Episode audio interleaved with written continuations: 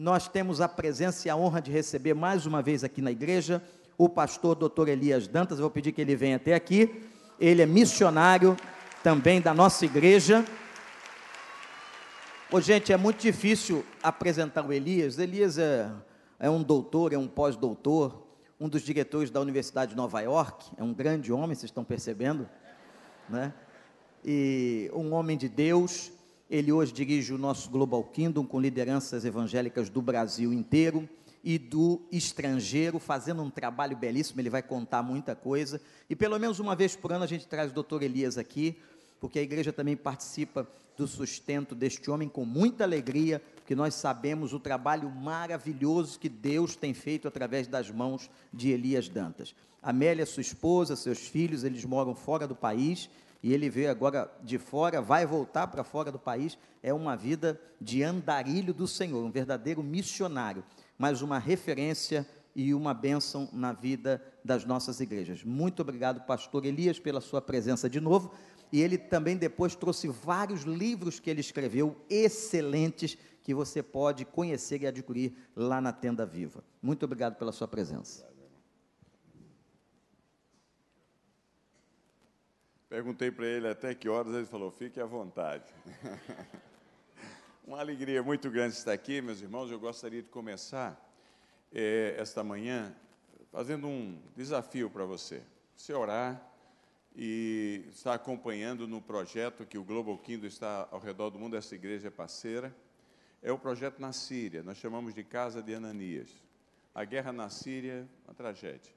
E nós vamos seguidamente à Síria, nós sentimos de Deus o desejo de começar ali uma iniciativa que vai envolver a reconstrução de 10 mil casas para cristãos. 9 mil é para cristãos, mil para, não, para muçulmanos. Cristãos que não entraram em briga com ninguém, mas sofreram por todos os lados. É, 500 mil pessoas mortas ali. E a, a, as casas é apenas, nós chamamos isso casa de Ananias porque Ananias, é, Paulo foi batizado em Damasco e queremos ver o movimento missionário brotando dali. Ah, o projeto prevê a construção de 10 mil casas em cinco anos, como compaixão cristã, é o fundamento, é a sapata da casa de Ananias. Prevê também a construção de a estabelecimento de 10 igrejas regionais, a um lado das paredes da casa, e 10 mil células para 100 mil convertidos. É, é, você precisa ir lá comigo para você ver a multidão de convertidos. É, o povo está vindo a Cristo numa velocidade tremenda.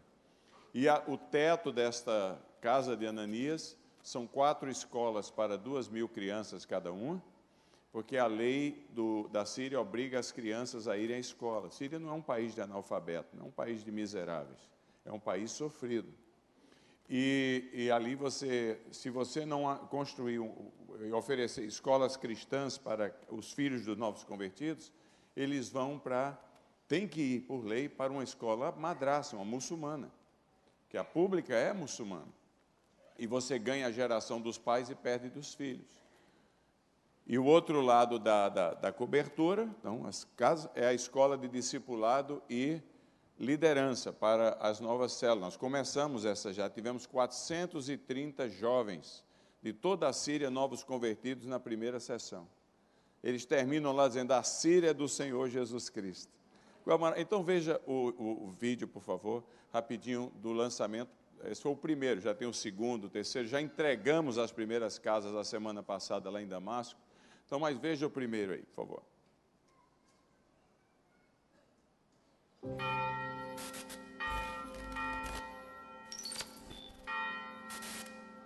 يعني نحن طلعنا من البيت تشردنا جينا على البلدان وبعد يومين ثلاثة القذيفة إجت ببيتنا. بتجي قذيفة بالبيت وبيحترق البيت؟ بيحترقوا أوض النوم أوضتي وأوضة الأولاد. The war in Syria has torn the country apart, providing the opportunity for extremists to target Christians. Churches have been destroyed, Christians have been forced to flee their homes and cities. For Christians that choose to remain, there is a painful, tangible cost. Irmãos e irmãs, aqui estamos em Zabadan, fica pertinho da cidade de Bludan. É uma cidade que foi destruída pela guerra. Isso aqui é uma igreja bombardeada e destruída. Ao redor aqui havia muitos cristãos. Hoje estão morando pertinho daqui na esperança de que alguém os ajude. Nós vamos fazer isso. Você é nosso convidado. Nesse vídeo você vai ver, vai ouvir e vai aprender sobre o que pode ser feito aqui, que Deus está trazendo movimento para Cristo. مدينة الزبداني من أشهر المصايف السورية وارتفاعها بحدود ال 1500 متر عن سطح البحر أعطاها أنه تكون أفضل مصايف سوريا زمائلنا الوطن العربي بلحظة من اللحظات لحظة شر بنقول سقطت البلد تحت إيد الأشرار المسلحين وتهجروا أهلها بالكامل لبلودان للبلدة المجاورة بلودان.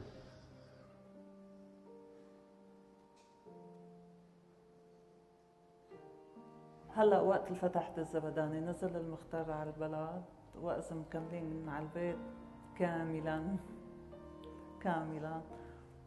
شو بدي أقول لك؟ هيكل بدون ع... في عضايد رايحه حيطان مفخفته الردم على الدرج صحيح في يعني يمكن أرض بس الأرض كمان اخذينها أخ...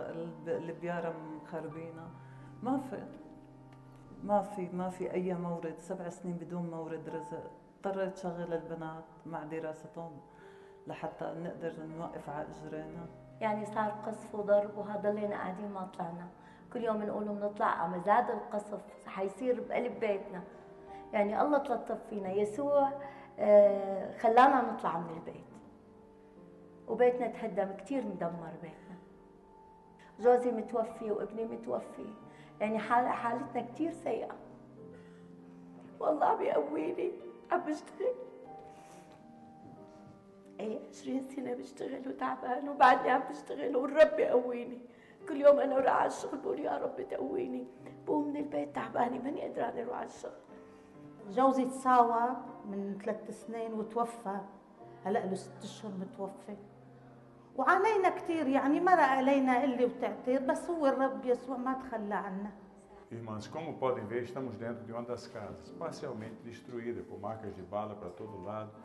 Aqui morou uma família. Não sabemos se estão vivos, mortos. Mas aqui morou uma família. Encontramos alguns livros cristãos nesta casa.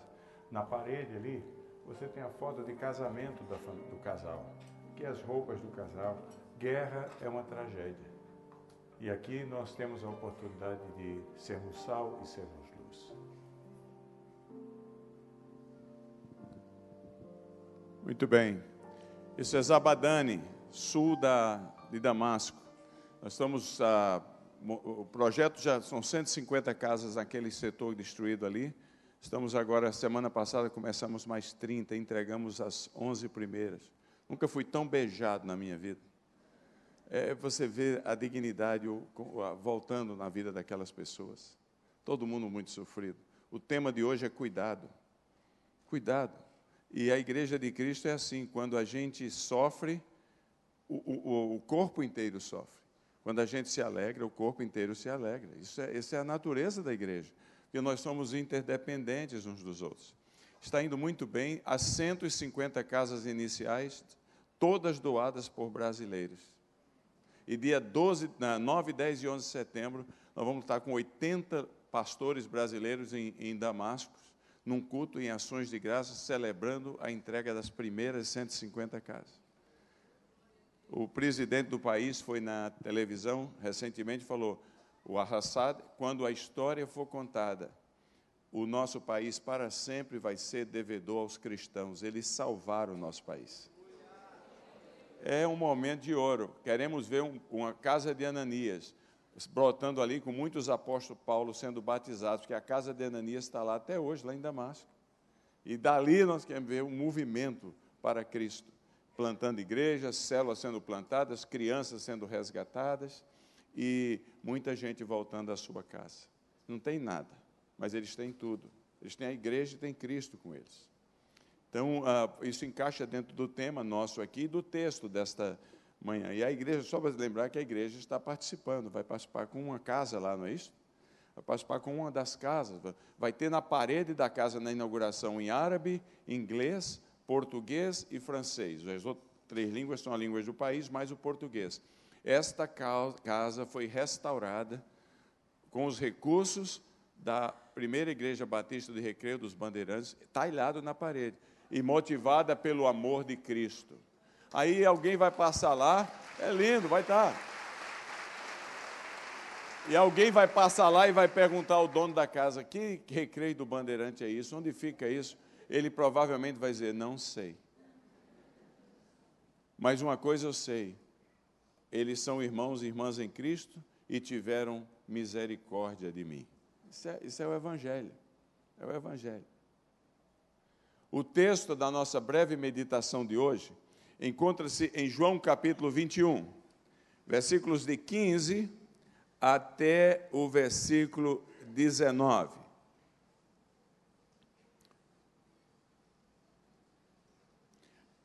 Diz assim o texto da palavra do Senhor: Depois de terem comido, e era uma ceia, como a que tivemos aqui hoje, né? Havia pão, havia peixe, no caso, e havia uh, pão para eles comerem ali.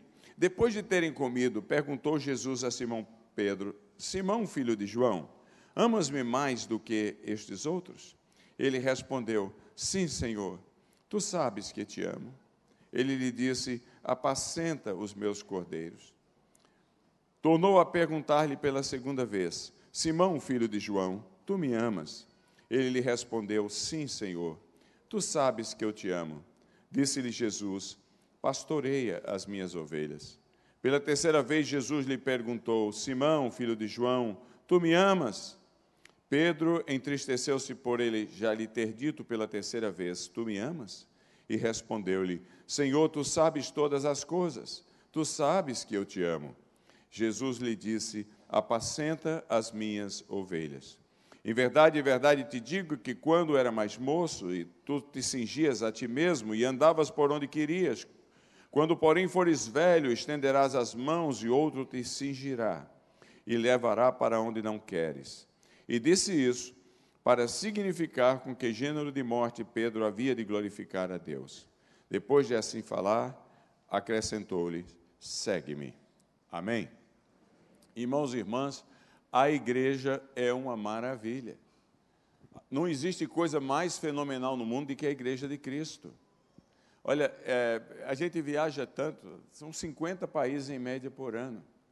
E onde a gente vai, a gente fica mais maravilhado com a igreja. O seu pastor está indo agora para Bela Rússia semana que vem. É a convenção batista lá, que coisa maravilhosa. Você vai, você, meu Deus, como a igreja é linda. Vai dar lá 100 pastores com ele. Você, é, é, lindo. Onde você vai, você tem comunhão. Temos uma só fé, um só Senhor, um só batismo. O que muda é o cosmético que muda são as vestimentas. Cada cultura tem as suas maneiras de expressar a, a, a, sua fé, mas a fé é uma só. Não tem jeito. Eu, esse negócio, eu viajando por aí fora, eu cheguei na, na, no interior da Ucrânia, e lá os homens têm o costume de beijar os homens na boca. E tem um momento do ósculo santo. E aí vai dar o ósculo santo e todo mundo se beijando, eu ia ser o preletor e ninguém veio para mim. Até que um bigodudo olhou lá de longe, mirou e lá vem na minha direção. E eu falei, meu Deus, e agora? Faz esse cara tropeçar. Ah, ah, ah. E, e, de repente lá vem ele e, e vai chegando perto de mim. Quando ele chegou perto de mim, eu, eu apliquei a regra do metro. A regra do metro é quando você estica o braço e você segura e não deixa ele vir. E ele veio e já vinha, hum, e eu, ó, ó, aqui, aqui, meu amigo. Apertei ali, olha, é, é, porque aquela vestimenta, aquele cosmético não, não é o meu, né? E eu, eu apertei, cumprimentei muito fraternalmente, mas meu braço não se dobrou. Cada canto tem as suas, os seus cosméticos, as suas diferenças, mas a igreja é una, é lindo, é maravilhoso, é o povo de Jesus Cristo. E ela vai muito bem ao redor do mundo, mas vai no meio de muita luta. Vocês viram aí? Nunca a igreja cresceu tanto na Síria como está crescendo agora. O número de viúvas muçulmanas vindo para Cristo estão livres daquelas tranqueiras que eram os maridos dela. foram mortos, mas foram mortos num, num sacrifício terrível, a maioria deles degolados. Porque ah, o, o ISIS, ele chegava e ele, ele, ele ah, quando lutava soldado a soldado, eles tratavam de um jeito, quando eles dominavam, hoje eles perderam o país praticamente todo, a guerra já acabou, mas quando eles, quando eles uh, chegavam numa cidade como em Homs, 2 milhões de habitantes, eles selecionavam a elite da cidade, uh, intelectual, de, influência social, os médicos, os engenheiros, os, os advogados, e na frente da família inteira cortavam o pescoço deles. Uma tragédia atrás de outra, e essas mulheres fugiram. E hoje algumas delas, muita gente está na cidade de Tartus, onde os russos têm a base, e agora estão vindo tudo para a igreja mas vem tudo traumatizado. Você escuta a história, mas estão vindo para a igreja. Estão chegando lá, estão vindo a Cristo. A tribo do Assad e o Alaíta se convertendo numa velocidade tremenda. A igreja é uma coisa maravilhosa. O fenômeno religioso da Europa hoje não é islamismo, é a organização de igrejas evangélicas na França. A cada três dias, uma igreja é plantada na França. Que coisa tremenda. Ninguém fala nisso ainda porque, apesar de que existem mais protestantes do que evangélicos na França, que existem os huguenotes, que são uh, quase 500 mil, quando no ano 2000 calculou-se o número de evangélicos, eram 50 mil, hoje são 500 mil. Se continuar assim, serão 5 milhões em, em mais 15 anos. E aí o povo vai começar a falar. Só se fala de uh, muçulmano, muçulmano para cá, muçulmano para lá, e a igreja é aquela semente que está brotando da, da, da, da a árvore está surgindo, né, de a mostarda, é uma coisa tremenda. BBC de Londres publicou o fenômeno religioso europeu são as igrejas evangélicas na França. Eu, eu no ano 2010, eu, eu vi uma foto que me chocou muito do Iêmen. O Iêmen é um país de 17 milhões de habitantes que está em guerra. Tem nada o Iêmen, tem 17 milhões de habitantes, faz fronteira com a Rússia, com a, Arábia Saudita. E é um país onde o calor é tão forte que às três horas da tarde o país inteiro se droga. 17 milhões de drogados. Eles têm uma, uma, uma planta lá que eles transformam em droga para escapar do calor. Fica todo mundo drogado e dormindo.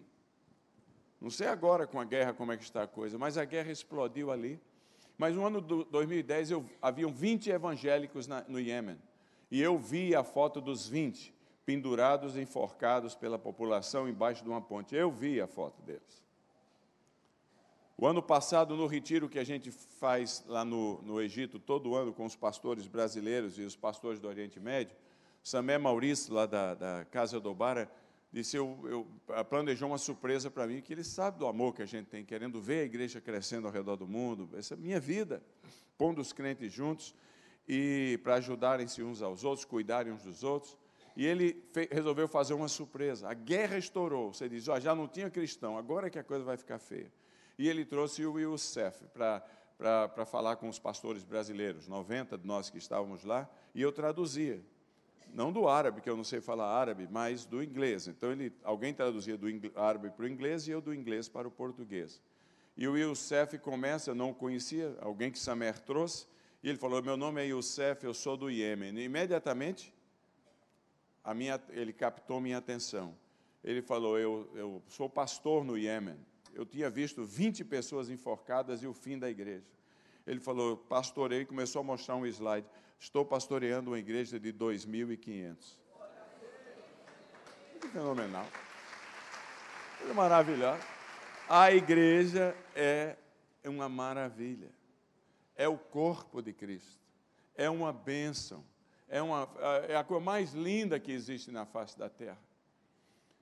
Isso tudo acontece no meio de muitas durezas e tribulações. São 100 mil cristãos, em média, mortos por ano, ao redor do mundo. Aqui vocês não sentem isso, graças a Deus, nós não sentimos, mas é real. Eu encontro o povo, eu vejo, eu converso com quem sobreviveu. É tanto sofrimento por aí afora que ah, já se diz hoje, os historiadores já dizem hoje que nós vivemos, estamos vivendo o período moderno dos mártires. Os 30 últimos anos são chamados hoje o período moderno dos mártires, comparando com os 300 anos do Império Romano. Tensão é uma constante. uma constante. E neste período que nós estamos vivendo, essas tensões fraturam o bojo do equilíbrio social, emocional, uh, humano das nossas vidas, muitas vezes. A psicologia chama essa área de equilíbrio humano, essa área de equilíbrio humano, uma área de, de, de uh, segmentada em várias partes, a parte pessoal, familiar, relacional, profissional e proposicional. E esse texto desta manhã traz exatamente uma, um grupo de pessoas que estavam vivendo numa crise, originários da igreja, os, os futuros líderes de tudo da igreja. Dos onze apóstolos que sobreviveram após a traição de Judas, sete estavam ali naquele barquinho, em João 21. Sete tinham eh, passado por uma decepção muito grande, Cristo tinha morrido, três anos e meio. Eu fico, e o protótipo demonstrado nesse texto aí é, é Pedro, e Pedro sofrendo em todas as suas áreas pessoais. A área de, de, pessoal em si mesmo, ele é um indivíduo que se acusava amargamente, afinal, Jesus tinha dito que ele haveria de negá-lo, e ele falou: de jeito nenhum, e para mostrar que eu não vou negar, negar o Senhor, apareceu um soldado lá, ele arranca a orelha do soldado com a espada. Nem que a vaca tussa eu te nego. Só para descobrir que haveria de negar três vezes. Chegou uma, uma empregada do Caifás e falou: Você é nordestino. Porque Galiléia é no Nordeste dada. Falou: Como é que você sabe, bichinha? Está me deixando arretado. Falou, você fala como um deles. Por três vezes. Que ela Aquela a pessoa veio infernizar a vida dele ali. Até que ele perdeu a paciência. Quando ele perde a paciência e nega Jesus pela terceira vez, o que é que acontece? O galo canta. E a próxima cena mostra Pedro de volta à sua velha vida. Sua vida pessoal estava esfacelada, ele estava sofrendo da síndrome do canto de galo. Galo cantava lá na Galiléia, ele tremia da cabeça aos pés. Profissionalmente, um fracasso total, porque o Mar da Galileia tem 22 quilômetros de comprimento, 9 de largura, 50 de profundidade. Ele viveu uh, a sua vida toda pescando. Bom pescador sabe onde pesca peixe. Ele e os seus colegas de profissão pescaram a noite inteira e zero. Vivendo em crise, não estava dando certo a vida dele agora. Na mulher, então, eu fico só imaginando, voltando Pedro para casa e ela, nem peixe. Nem peixe, seu infeliz. Passa três anos e meio longe de casa e não traz nem peixe mais. Desaprendeu tudo. Crise sobre crise. Relacionalmente, ele estava dizendo: Eu traí o meu melhor amigo. Eu traí Jesus. Eu o abandonei. E proposicional, em termos de propósito, proposicionalmente, ele estava perguntando a si mesmo: o que será de mim a partir de agora? O que Pedro precisava aprender e que nós constantemente precisamos aprender na nossa vida é que Jesus prepara sempre, por causa do seu cuidado para conosco, mesa de reconciliação para todos nós. Ele é aquele que traz o nosso equilíbrio de volta, ele prepara a situação para que a gente volte a ser completo, integral, abençoado. Ele usa pessoas e ele usa a si mesmo, como, como a mesa que acabamos de celebrar. É muito, muito própria hoje aqui em relação à, à mensagem, não sabia nem que tinha Santa Ceia. Só na mesa da reconciliação, onde o próprio pão da vida tornou-se o alimento, Jesus Cristo, poderia haver a solução definitiva para a crise que Pedro estava enfrentando, que os outros estavam enfrentando. Pedro volta à velha vida e ele diz: Desisti de vez de Jesus. O que Pedro não sabia é que Jesus nunca haveria de desistir dele. Nunca haveria de desistir dele. Cristo toma a iniciativa em João capítulo 21, prepara a mesa, prepara a comida, se assenta na mesa antes dos outros chegarem. E quando Pedro e os outros chegam lá, a mesa está pronta e a comida está servida. Isso tudo aconteceu na Galiléia, meus irmãos e irmãs. Galiléia dos gentios, tão distante de Jerusalém que os, os hipócritas de Jerusalém olhavam para os judeus dali e falavam: Você nem é judeu, você é gentil. Aconteceu ali fora do circuito. E Jesus revela-se como Deus da segunda chance.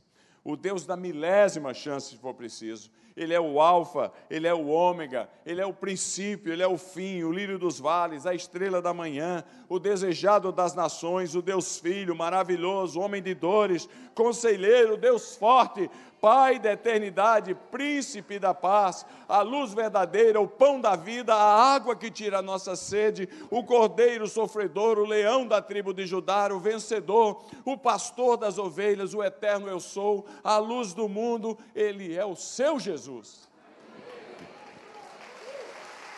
É ali. Contudo, ao sentar-se à mesa da reconciliação, Pedro, Pedro e todos nós precisava entender que ela gera uma necessidade de resposta da nossa parte. O tema da nossa igreja aqui o ano que vem é cuidar. Cuidar um do outro. Veja que o diálogo é de cuidado aqui, cuida das minhas ovelhas. Ao sentar na mesa do acerto, Pedro precisava entender que antes do cuidado, tinha que ter algumas outras coisas acontecendo. Porque se nós formos só pensar na produção, no cuidado, sem pensar nas coisas que tem que vir antes, a gente vai se cansar, a gente vai se decepcionar, a gente vai se sentir um, um, um, um parafuso na engrenagem da igreja e muitos se decepcionam porque não entendem que, há, que o cuidado, que a produção tem que ser resultado de algumas outras coisas mais importantes. Jesus chega para Pedro e diz assim, em primeiro lugar: Pedro, antes de eu falar de produção, Deixa eu perguntar uma coisa para você. Você me ama? Porque é aí que tudo começa na vida cristã, é na paixão. Paixão antecede a produção.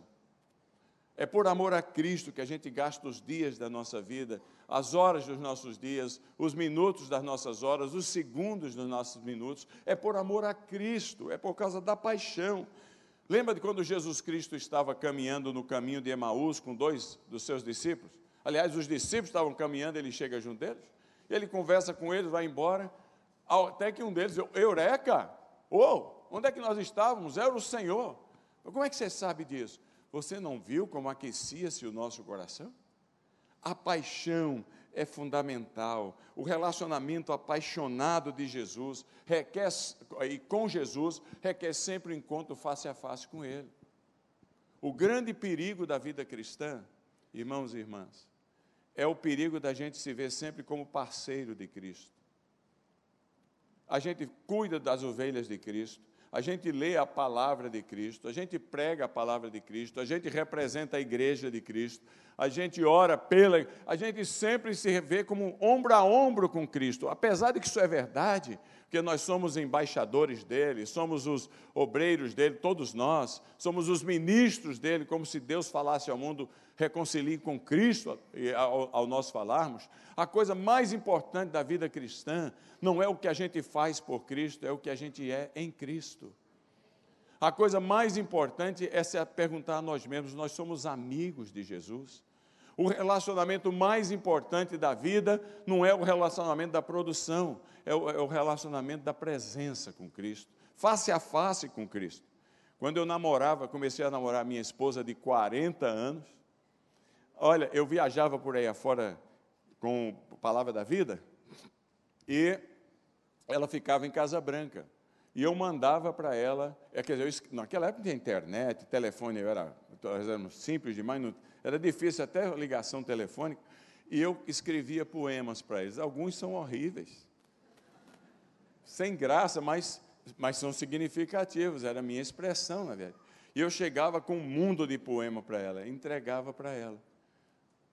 E eu nunca soube o que é que eh, ela fez daqueles poemas, até que recentemente ela me mostrou um, uma caixa com todos os poemas que eu escrevi. Eu lembro disso com muita emoção, porque era fruto de uma paixão.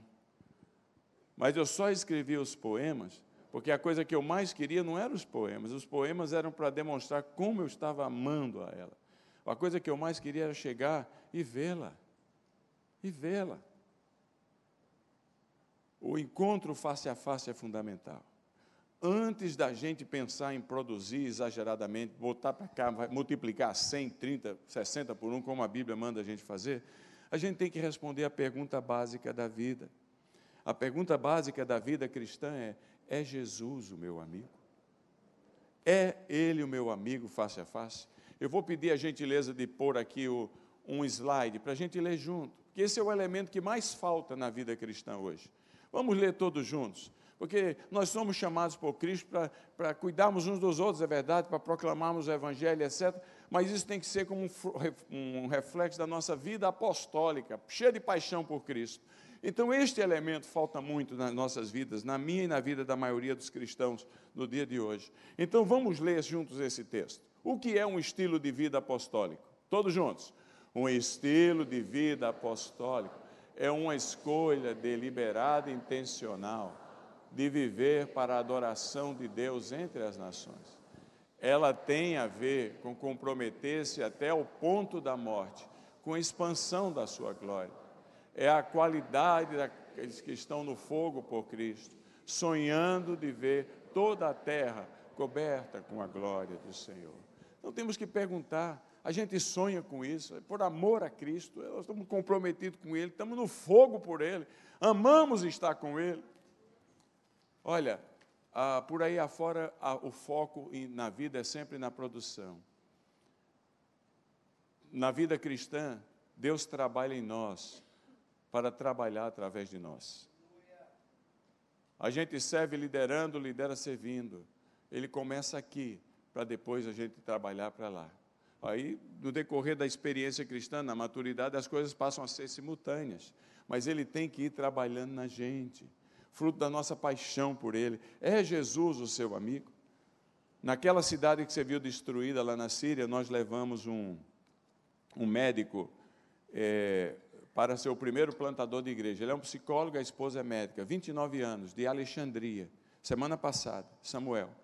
Eles vão ter o primeiro neném. E ele, eu cheguei lá, a única coisa que tinha para mostrar para ele é: você vai morar numa casa bombardeada.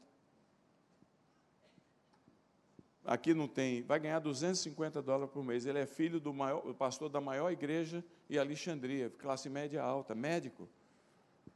E eu perguntei para ele, Samuel, você quer vir?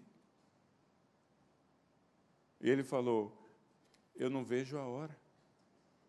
Eu não vejo a hora. Por amor a Cristo, eu estou vindo aqui. Estou servindo uma igreja. É por amor a Cristo que a gente gasta-se e deixa-se gastar. Então, a primeira eh, coisa importante que Pedro precisava aprender era o P da equação abençoada da vida cristã bem-sucedida. É a paixão. E eu deixo essa pergunta para você. É Jesus o seu amigo. Segunda coisa que Pedro precisava aprender é que na vida cristã, antes da produção, a devoção vem. A produção sucede à devoção. Porque a conversa com Jesus é muito interessante. O texto do versículo 18 diz que referia-se Jesus, ele fala: quando você era jovem, Pedro, você ia para onde queria, mas quando você envelhecer, vão levar você, vão amarrar suas mãos e ele referia-se à maneira como Pedro haveria de morrer. E Pedro morreu de cabeça para baixo, crucificado, sem poder ir a canto nenhum, mãos amarradas na cruz. É, é, morto em Roma, debaixo da tutela de, de Nero, o imperador Nero, no ano 63. E aí vem o segundo segredo da vida cristã, que cuida uns dos outros. Da vida cristã vitoriosa, que produz de uma maneira abençoada. É a devoção. E a devoção não é nada mais, nada menos de que o comprometimento de viver e morrer para a glória de Cristo. Não há outra escapatória para nós cristãos. Se Jesus é o meu amigo, eu me comprometo, custe o que custar, vivendo ou morrendo, para viver para a glória dele. Esse é o cristianismo. E isso é importante porque hoje em dia o cristianismo está desvirtuado, é, é o cristianismo do bem bom. Nós transformamos o Deus que é Senhor no Deus servo o Deus que provê para as minhas necessidades, apenas. Um amigo meu publicou um livro chamado O Caminho de Volta. Ele é autor de 40 filmes em Hollywood, Phil Cook. E ele, ele falou: por que, que estamos tão desacreditados no mundo? Ele está falando da realidade americana. Por que, que a igreja está tão desacreditada? Ele falou: porque a igreja tem o outro Deus, O outro Deus é aquele Deus que a gente gosta de ouvir. É o Deus que não nos julga, que não nos uh, repreende. É aquele que é sempre bonzão, que abre os braços. Que faz, é aquele que a gente gosta de ouvir nas pregações. Aí ele fala: Você sabe por que, que caímos no discreto? É porque esse Deus, o Deus apenas que satisfaz a minha necessidade e me põe para cima, sou eu. Não é o Deus da Bíblia. O Deus da Bíblia convida a gente a morrer para poder viver convida a semente a cair na terra porque, e morrer, porque se não morrer, não produz fruto.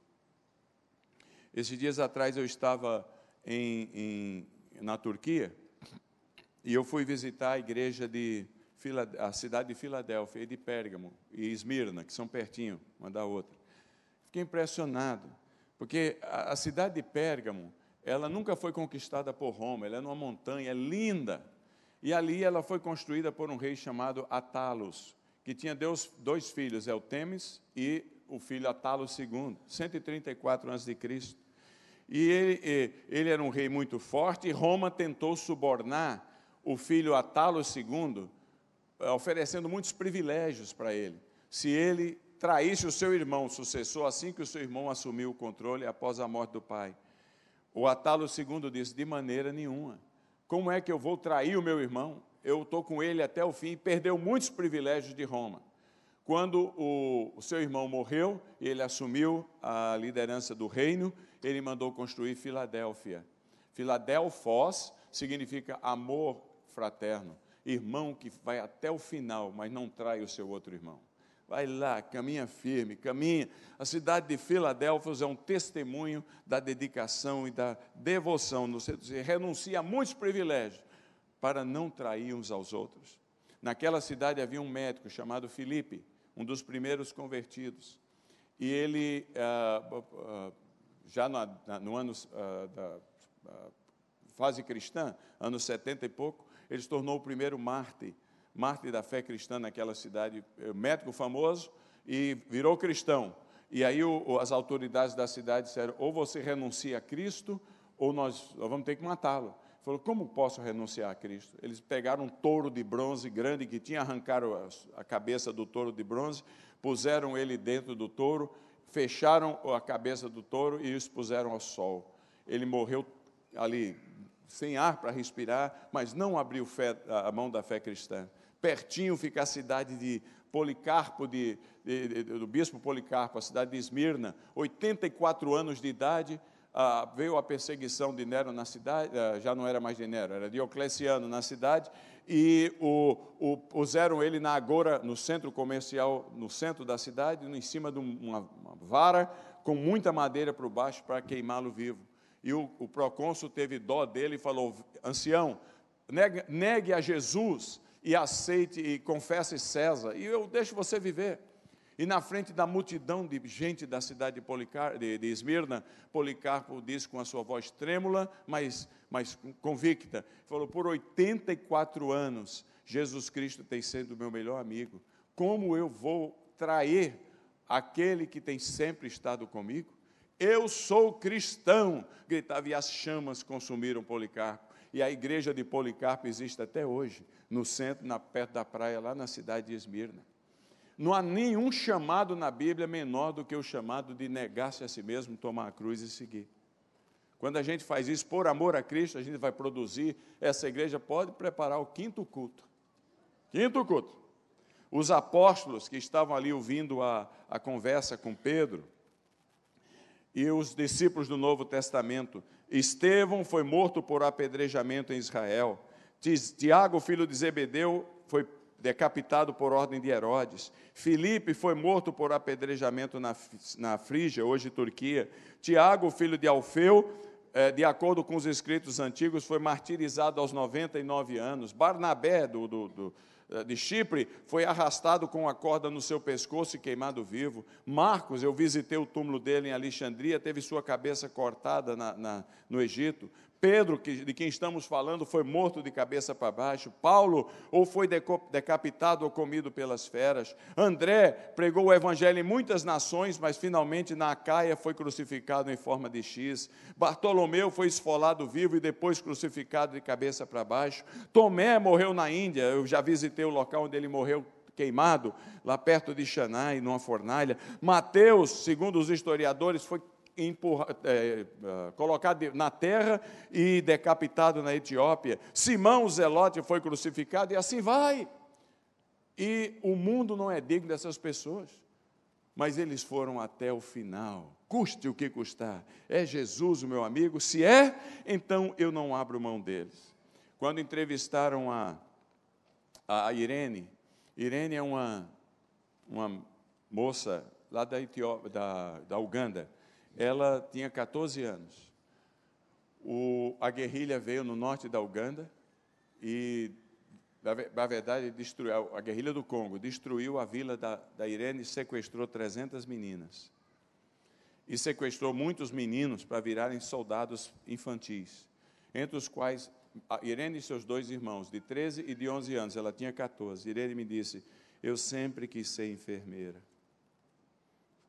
Sempre quis ser enfermeira. E eles sequestraram e obrigaram a correr pela mata dentro. Uma hora depois, o irmão de 13 anos da Irene tropeçou, quebrou o pé. O guerrilheiro veio e matou o irmão da Irene na frente dela. Obrigou a correr. Duas horas, mais ou menos depois, seu irmão de 11 anos sentou e falou: Aqui eu não ando mais, eu não aguento. O guerrilheiro veio, matou o irmão e obrigou a Irene a comer a carne dele. Eu imagino a dureza. Finalmente, quando chegaram no Congo, do, cruzaram a fronteira, aquelas 300 meninas, os guerrilheiros tiraram as suas camisetas, fizeram um monte de camiseta e cada uma pegou uma camiseta. De quem pegasse, aquele viraria o homem dela. Por seis anos, ela foi a mulher de um guerrilheiro, gerou um menino chamado Anthony. Quando eles cansaram daquelas 300 mulheres, cortaram o nariz, a orelha e os lábios de todas elas e mandaram embora com as crianças. Por três meses, Irene andou pela floresta para chegar na casa, na vila da sua família. Ao chegar lá, a família não a quis, porque para a cultura daquela família era uma prostituta. Ela desonrou, ela tinha uma criança, viveu com outro homem, não pediu autorização às famílias. Ignorância é uma coisa terrível. Quem é que socorreu a Irene? A igreja. A Ototo, não sei se já veio aqui o coral deles, pegou as 300 mulheres. Suas famílias não lhe querem, nós queremos. E montou uma rede de, de cirurgiões plásticos do mundo inteiro. Fizeram rotativamente um, um estágio na, na Uganda e recuperaram o rosto de todas elas. E aí Irene mandou um e-mail para mim e falou: E doutor Dantas, a boa notícia é eu estou terminando o meu curso de enfermagem.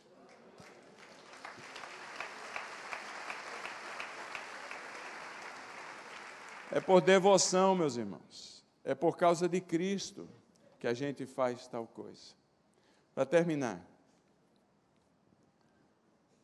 Pedro precisava aprender uma verdade: que se ele ama a Cristo, se Jesus é o amigo dele, se ele está disposto a viver e morrer, que esse nível de convicção garante a nossa integridade.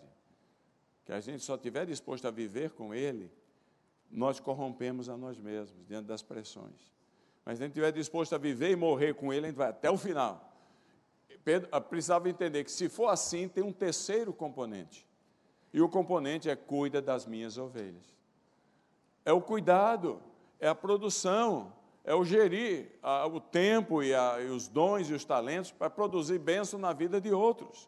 Eu sou a videira verdadeira, meu pai é o agricultor.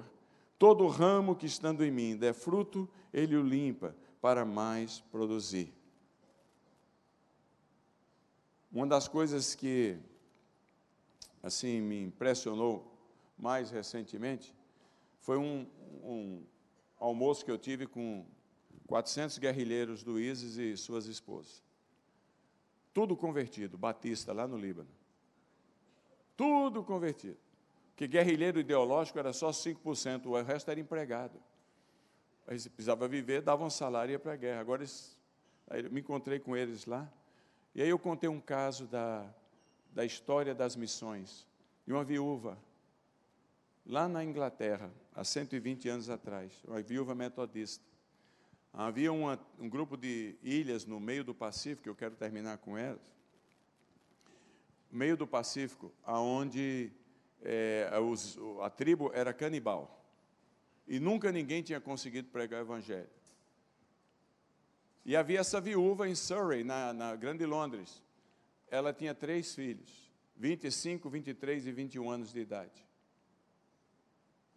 E por alguma razão, houve um chamado de serviço missionário naquela igreja, e o filho mais velho, John Williams, aceitou o convite, o desafio para servir naquela tribo. A mãe o abençoou, a igreja o abençoou, deu-lhe treinamento e o enviou.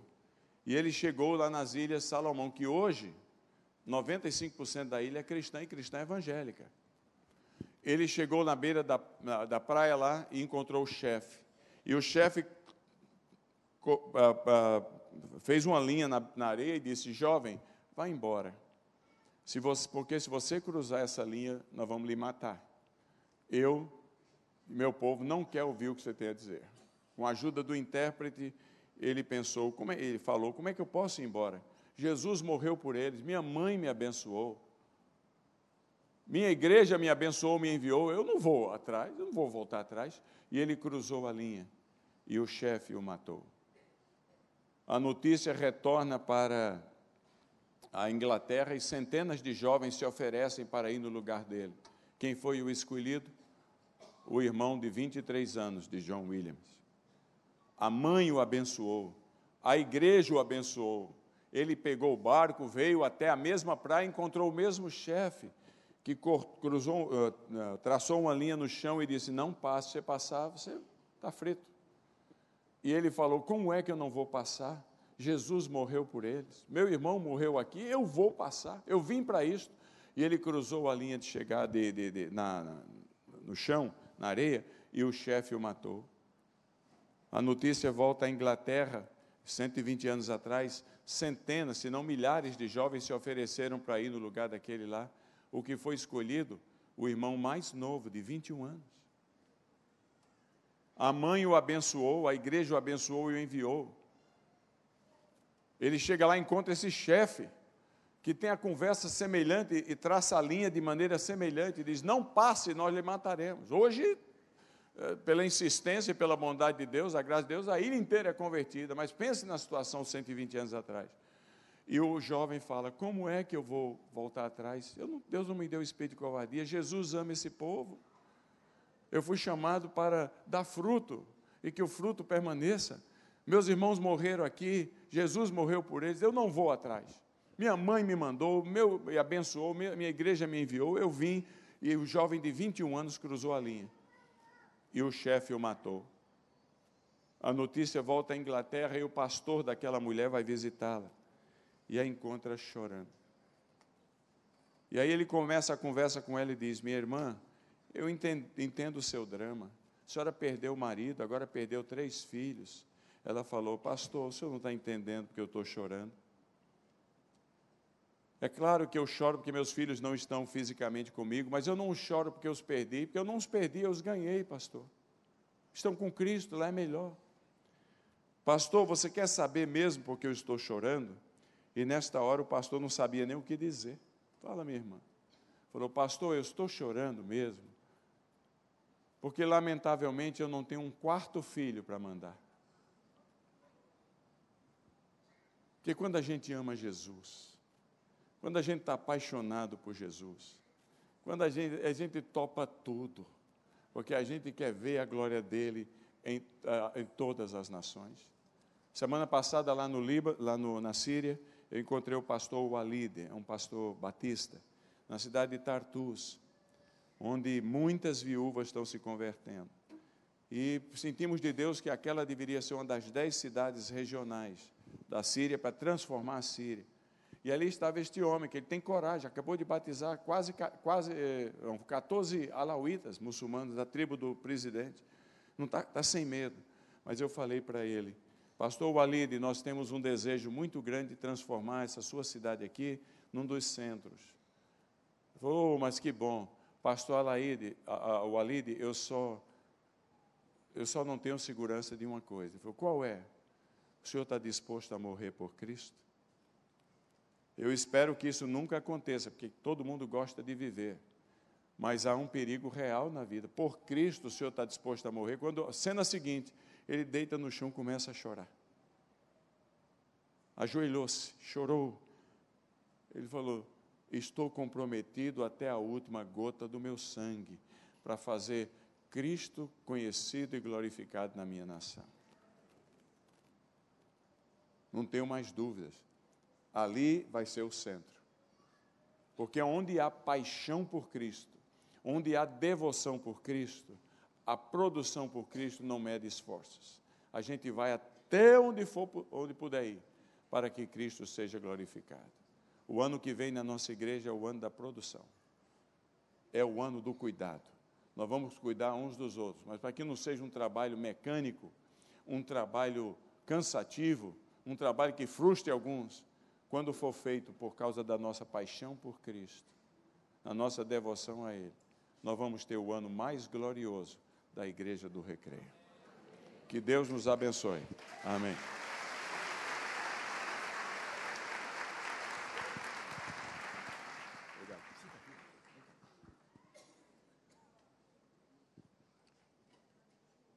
Meus irmãos, toda vez que o pastor Elias vem aqui, eu me retorno, retorno a minha mente aos textos bíblicos quando Paulo voltava para dar relatório do seu ministério. É algo impressionante. Nós não podemos estar lá em muitos lugares, mas nós temos pessoas que Deus envia de maneira fantástica. E quando na semana passada o pastor Heverker terminou a sua conferência, ele disse uma coisa que eu quero repetir aqui, porque eu creio nisso. Eu creio nisso. Nós estamos entrando, depois desses 30 anos, num tempo de maturidade. Nós queremos um outro tipo de igreja. Uma igreja, comigo e com você, que não esteja mais preocupada com aquelas coisas do mimimi da fé o crente atendido, o crente que tem que ser olhado, o crente que não tem maturidade para entender a sua missão. Nós queremos uma igreja e crentes maduros, aonde nós vamos nos preocupar com o outro, não só internamente, mas do lado de fora. Uma coisa que eu glorifico a Deus que durante todos esses anos de trabalho e construção, nós nunca deixamos de enviar as ofertas missionárias, as ofertas de ação social e pessoas ao campo. Louvado seja o Senhor. Não podemos perder essa visão. E queremos nesse tempo uma igreja madura, aonde você não estará preocupado, será que alguém vai cuidar de mim? Não, mas eu conheço a Cristo. Tenho com ele intimidade, sou suficientemente maduro para agora ser o momento de dar ao outro, de cuidar do outro, de evangelizar o outro, de discipular o outro, de tratar do outro. Uma igreja de cuidado é o que queremos ser em 2019. Cuidado aqui no recreio, cuidado sim com a sua família, mas cuidado com esta cidade, com os bolsões da miséria da cidade, cuidado com esta nação. Esta semana, irmãos, o Ministério Pastoral mapeou no Brasil lugares de grande miserabilidade, aonde não há quase trabalho nenhum evangélico e nós queremos plantar igreja lá. Não nos interessa plantar igreja do lado de uma outra igreja evangélica fazendo a mesma coisa, mas nós queremos estar lá. E nós chegamos à conclusão de lugares em Sergipe, lugares no Maranhão, no Piauí, no Rio Grande do Sul, que não há nada. E é para lá que nós vamos, em parceria, plantar igreja, cuidar lá de pessoas, cuidar lá no exterior, de tantos lugares como o Elias tem ido, e agora na Síria, lugar dos refugiados. Gente, o problema dos refugiados é terrível na Europa e em todo o mundo. É dor. Será que você não sente? Será que nós não sentimos nada quando olhamos a televisão e vemos aquelas criancinhas sendo transportadas em canoas, vamos chamar assim, em barcos sem nenhuma estrutura, elas são colocadas nos braços dos outros, às vezes separados dos seus pais. Algumas morrem pelo caminho. Será que nós não sentimos mais nada com isso? Será que o mundo está tão frio e o amor se esfriou de uma tal maneira que nós não sentimos mais vergonha? Que nós não temos mais emoção quando vemos uma cena dessa? A nossa proposta como igreja em 2019 é essa: é partir agora, depois dos 30 anos, para um outro momento de igreja, uma igreja madura, que sirva, que cuide e que chegue, como disse Jesus, aos confins da terra. E se você está dentro disso, você é parte disso, você vai orar por isso, você vai se envolver com isso, e Deus vai dar condições a você de ser uma bênção no nicho, no lugar no metro quadrado que Deus te colocar para a honra e glória do nome do Senhor. Mas eu queria que a igreja agora ficasse em pé e nós orássemos pelo nosso missionário, pastor Elias. Irmão, já disse isso aqui outras vezes.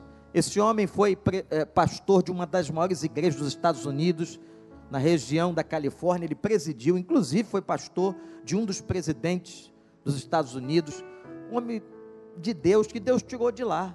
Dirigia uma universidade em Nova York Aliás, temos um casal nosso aqui, que pela sua instrumentalidade, pastor Elias, está fazendo teologia em Nyack, na Universidade de Nova York. Nós agradecemos como igreja a sua instrumentalidade. Não sei se o Henrique e a Nilcé estão aqui, o, o Magei, que é sua esposa, estão lá em Nyack. Ah, os pais aqui do Majeica, tá ali, os pais do menino, nosso jovem. Glória a Deus pela sua vida. E ele chegou para mim ontem, ontem ele falou para os jovens da igreja. Gabrielzinho chegou lá em casa ontem contando para a gente as coisas que ouviu, que marcaram, como marcam essas histórias, marcam. Ele foi do carro até em casa em casa falando das histórias, de coisas, porque a gente aqui tem uma visão, às vezes, muito tosca do que é evangelho e cristianismo, muito confortável, muito na poltrona Evangelho é outra coisa, o reino de Deus é outra coisa. Doutor Elias, dá aquela informação para a igreja aqui, da sua voz. O senhor deu para mim no carro. Qual é o percentual de igrejas grandes na face da terra? Como é que o Evangelho e o cristianismo vivem? No mundo temos 4 milhões de igrejas cristãs, mais ou menos. Isso muda diariamente porque planta a igreja nova, mas números absolutos. As, uh, abaixo de 200 crentes, são 3 milhões e 200 mil igrejas, 80%. De 200 crentes a mil crentes, são é, 18,5% do total. E 1,5% das igrejas, das 4 milhões de igrejas no mundo, tem acima de mil membros. O cristianismo é uma religião de igrejas pequenas, comunitárias. A quem muito dá, muito será cobrado nós não estamos aqui por acaso. Deus tem uma grande obra que devemos fazer como igreja. Não é só para contar número ou contar vantagem por aí, por causa da nossa vaidade. Não, Deus tem um propósito quando cresce uma igreja, e o propósito é para que nós alcancemos a terra, para que nós sejamos uma bênção, para que nós nos envolvamos em todas as esferas de influência. É isso que nós queremos para a glória do Senhor. Hoje à noite o doutor Elias vai estar aqui. Traz gente, traz amigo, traz familiar, traz pessoas para essa experiência tremenda que nós vamos ter aqui. E outra coisa, ele trouxe alguns livros sobre liderança, sobre células. Depois você pode passar ali e vai abençoar esse ministério. Esse livro aqui, Ninguém Detém Marcas Espirituais de uma Igreja Saudável, um livro sobre princípios do avivamento. Estende sua mão para cá, vamos orar. Meu Deus, meu Pai, eu te agradeço por esta manhã, pela palavra da praia, a palavra que o Senhor deu a Pedro naquela experiência de restauração. fazendo dele um novo homem. Ó Deus, que esta palavra transforme a cada um de nós. Nesse novo tempo como igreja, Senhor, depois de 30 anos, agora queremos, ó Deus, fazer muito mais, ser muito mais, porque a devoção é que traz produção. Precisamos primeiro estar aos teus pés, para vermos, ó Deus, a tua obra expandindo e crescendo para a glória do teu nome. Ajuda-nos a que sejamos uma igreja eficaz e eficiente, Senhor. Uma igreja que realmente proclame nos quatro cantos da terra, em todos os lugares, esse evangelho que transforma. Ó Deus, abençoa a Síria, abençoa aquelas casas que estão sendo reconstruídas, Senhor. Abençoa aquelas pessoas imigrando em tantas partes da Europa e da América Central. Ó Deus, tem misericórdia deste mundo em caos mas que é oportunidade para pregarmos a tua palavra e anunciarmos Jesus Cristo como Salvador. Pai, eu te intercedo pela vida do doutor Elias Dantas, sua esposa, irmã Amélia, seus filhos, seus netos, que a tua bênção esteja sobre ele. Eu te peço agora uma bênção especial pela sua saúde, Senhor. Ele vai fazer exames esta semana, que a tua graça esteja com ele. Que o Senhor o abençoe profundamente e que ele, Pai, saia completamente curado de qualquer coisa em nome de Jesus. Porque sabemos que este homem tem sido especial nas igrejas brasileiras de todas as denominações, como também no mundo, na liderança desse grande movimento de unidade que é o Global Kingdom, Senhor. Abençoa a sua vida, o seu ministério. E muito obrigado, porque mais uma vez, com carinho e diversidade, o Senhor nos abençoa nesta manhã Louvado seja o teu nome. Recebe a nossa adoração em nome de Jesus. E todo o povo do Senhor que concorda com esta oração diz: Amém.